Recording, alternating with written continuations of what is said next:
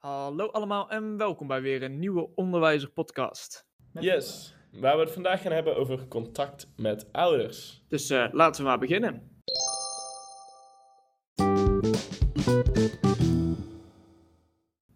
Want um, in het onderwijs kom je natuurlijk geregeld in contact met de ouders, de medeopvoeders van de leerlingen die jij in de klas hebt zitten.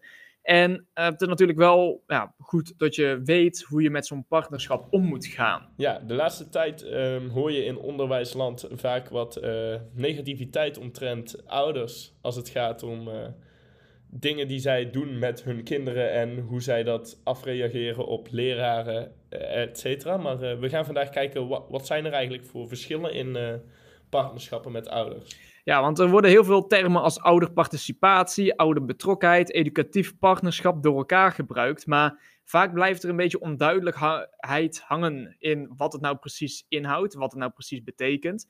Dus wij gaan daar vandaag uh, verlichting in proberen te brengen. Um, nou, we hebben dus die drie soorten partnerschappen. Want ouderparticipatie, ouderbetrokkenheid en educatief partnerschap worden dan wel vaak verwisseld. Maar het is wel degelijk iets anders. Laten we beginnen met ouderparticipatie. Ouderparticipatie is te omschrijven een beetje als, ja, je kan het een beetje zien als vrijwilligerswerk. Want uh, wat een ouder voor de school doet eigenlijk. Het is meestal het resultaat van een verzoek om tussen haakjes handjes op school uh, te hebben om te helpen. Wat bedoelen we daar nou mee? Uh, meestal kom, komt dit ouderparticipatie voor bij bijvoorbeeld feestdagen die georganiseerd worden door de school. Denk aan een Sinterklaasfeest of aan een kerstfeest, waarbij het heel handig is als er wat ouders graag vrijwillig willen komen om te helpen, eventueel versiering op te, op te hangen en andere taken daarbij bij uit te voeren ja, denk dus uh, ja, bijvoorbeeld ook aan sportdag en de luizencontrole. Dat valt allemaal onder ouderparticipatie. Er is ook nog een formele vorm van de ouderparticipatie. Dat is bijvoorbeeld de ouderraad.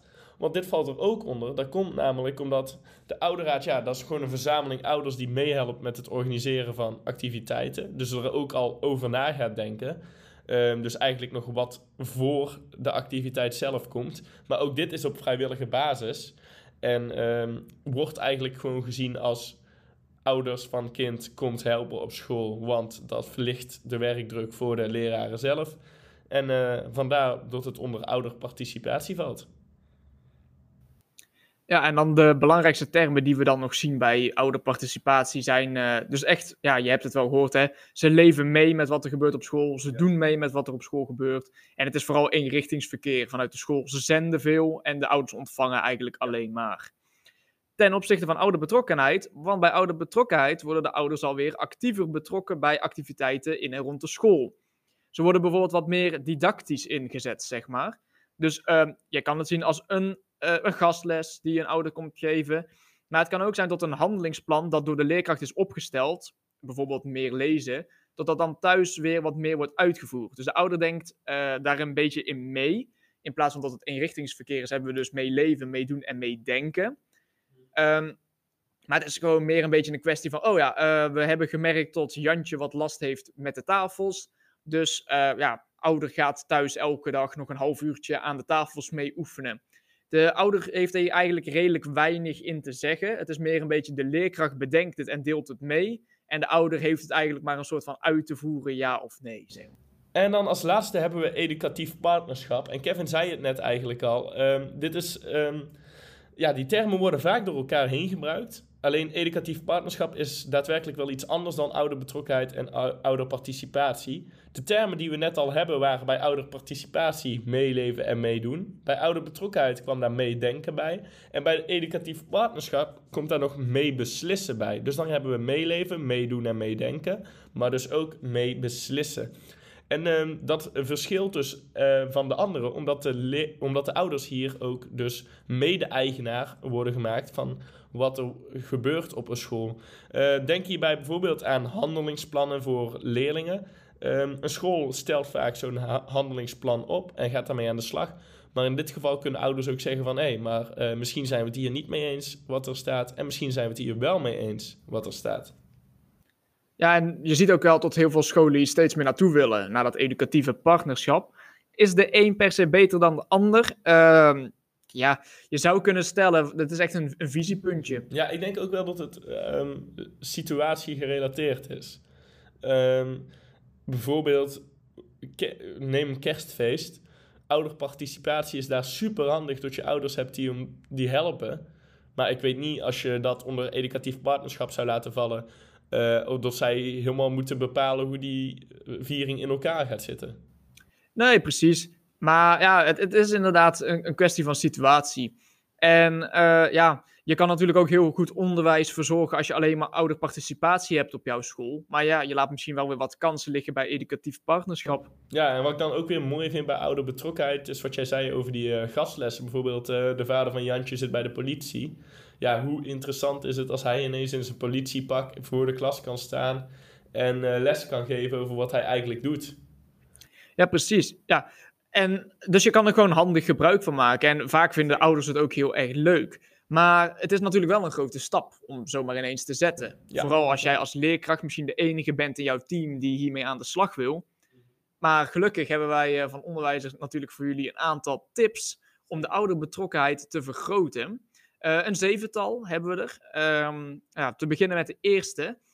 Uh, ja, als je ouderbetrokkenheid wil vergroten, kun je natuurlijk het belang van ouderbetrokkenheid benoemen richting de ouders. Ja, dus eigenlijk gewoon benoemen wat er nou zo belangrijk is aan die ouderbetrokkenheid. Ja, precies. En een heel groot deel van de ouderbetrokkenheid vindt toch al wel thuis plaats.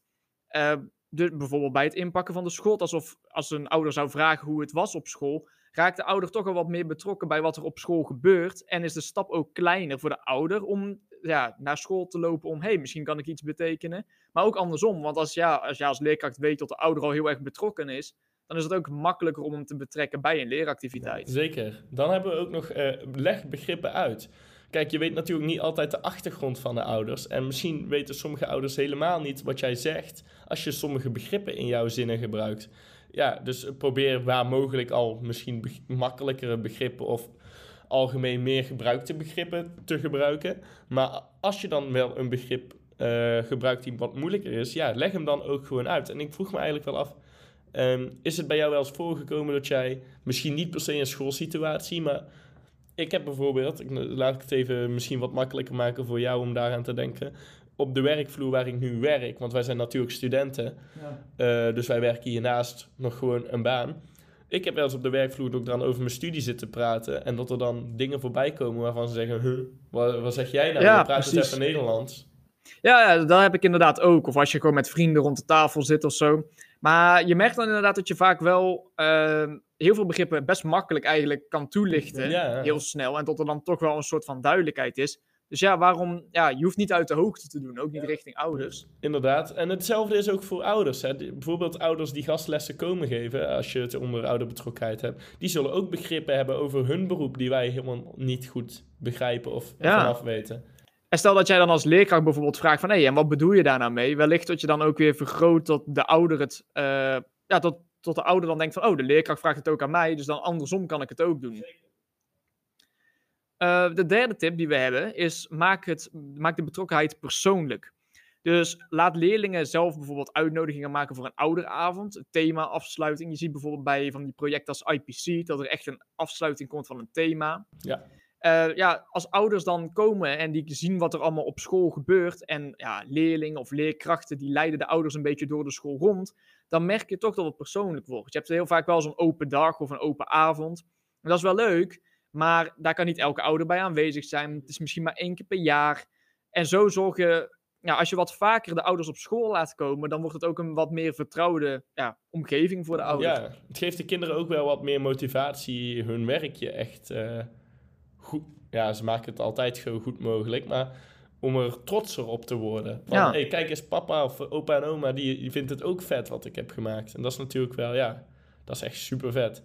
Um, tip 4 is geef huiswerkopdrachten mee waarbij ouders een rol spelen. Waar kun je dan aan denken? Kun je jezelf afvragen. Nou, bijvoorbeeld, uh, laat je kind eens de woonkamer opnieuw inrichten.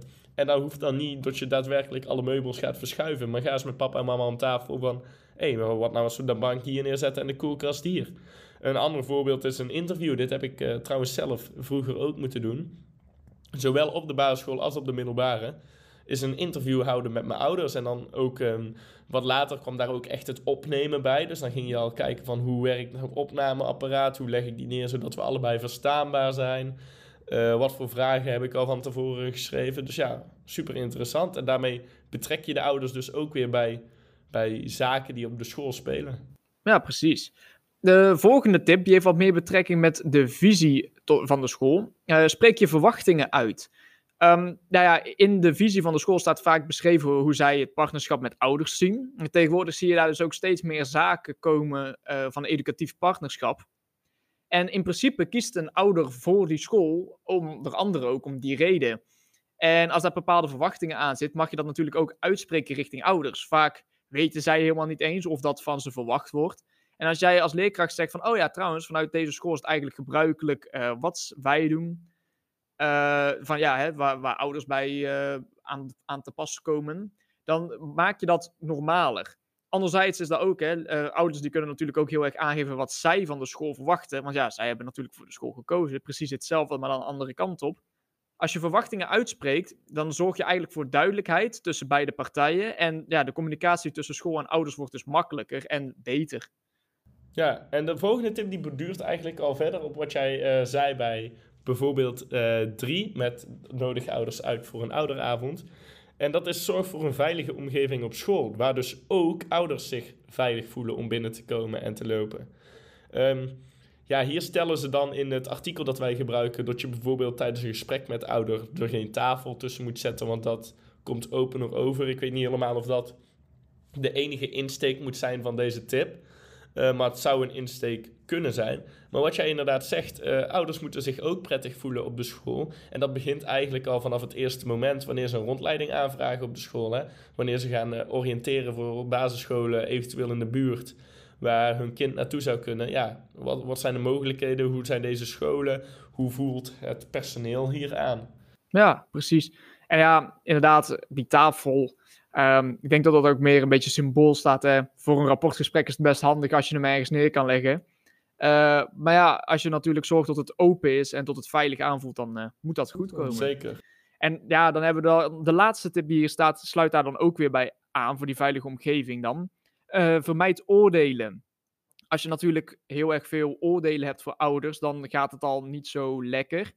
Um, en als je in de klas of tegen ouders het hebt over het tot sommige ouders meer betrokken zijn dan anderen, uh, dan krijg je een beetje zo'n hiërarchie erin waarin een andere ouder zich misschien beter gaat voelen. Uh, nou ja, elke ouder doet in principe zijn best. In ieder geval, daar kun je wel van uitgaan. En ja, soms hebben ze bijvoorbeeld uh, moeilijk met bepaalde zaken. Dus ondersteun de ouders wanneer dit nodig is. Als een ouder bijvoorbeeld heel makkelijk zegt van, oh, dat doe ik wel, of ik wil wel in de ouderraad. En hij reageert altijd het eerste op het appje wat erin staat van uh, wie kan er rijden voor, uh, voor het schoolreisje. Ja, misschien moet je ook eens even wachten om te kijken of een andere ouder ook misschien, die wat minder vaak ja, contact opneemt, misschien dat hij ook wel eens een keer wil helpen. Mm, zeker. Ja, je weet natuurlijk ook niet wat er thuis gaande is bij die ouders. Hè? Misschien zijn er wel ouders die ja, dag en nacht werken, kind naar VSO, BSO gaat, maar die dan toevallig wel een keer een dag kan, wat jij zegt. Ja. Uh, terwijl uh, ouder I uh, altijd thuis zit en altijd mee wil doen. Ook tof en fijn voor een school. Maar ja, gun die anderen inderdaad ook, zou ik zeggen. Ja, precies. En het zijn eigenlijk ook niet heel erg ingewikkelde tips. Hè. Dit zou in principe best wel makkelijk te verwezenlijken zijn. Ja, want het is toch wel, als, je er weer, als we het er zo weer even over hebben, dan sta je er toch weer even stil bij. Wat ja. betekenen die ouders nou op school? En ik weet nou ook zeker dat als wij weer naar stage gaan, dat we dan toch weer net een andere blik hebben over ouders die op school uh, rollen. Ja, precies. We, een beetje bewustwording uh, mag je wel zeggen. Ja. Um, en dan denk ik dat we zo wel uh, de grove lijnen behandeld hebben. We hebben gekeken naar de verschillende soorten contact met ouders, partnerschappen met ouders, de ouderparticipatie waarin ouders meeleven, meedoen en er vooral inrichtingsverkeer is, ouderbetrokkenheid waarbij ouders vooral meeleven, meedoen en ook meedenken en natuurlijk wat we steeds vaker zien, het educatief partnerschap waarin ja. ouders meeleven, meedoen, meedenken en meebeslissen. En daarna hebben we nog een aantal tips behandeld om, uh, om het, ja, de betrokkenheid van ouders te vergroten en het contact met ouders wat simpeler te maken. Zeker. Daarmee uh, denk ik dat we een mooie podcast hebben neergezet en ook onszelf uh, verrijkt hebben. Dat denk ik wel. En uh, dan kunnen we alleen nog maar stellen dat uh, je ons natuurlijk moet volgen op zowel Spotify, Google Podcast, Apple Podcast. Je kan het allemaal zo gek niet bedenken. Check ons YouTube-kanaal. Ja, die heeft een mooie update gekregen. Ja, dus uh, wellicht dat je deze podcast hier ook binnenkort op kan luisteren. En dan rest ons eigenlijk verder niet veel meer te zeggen dan houdoe. Houdoe.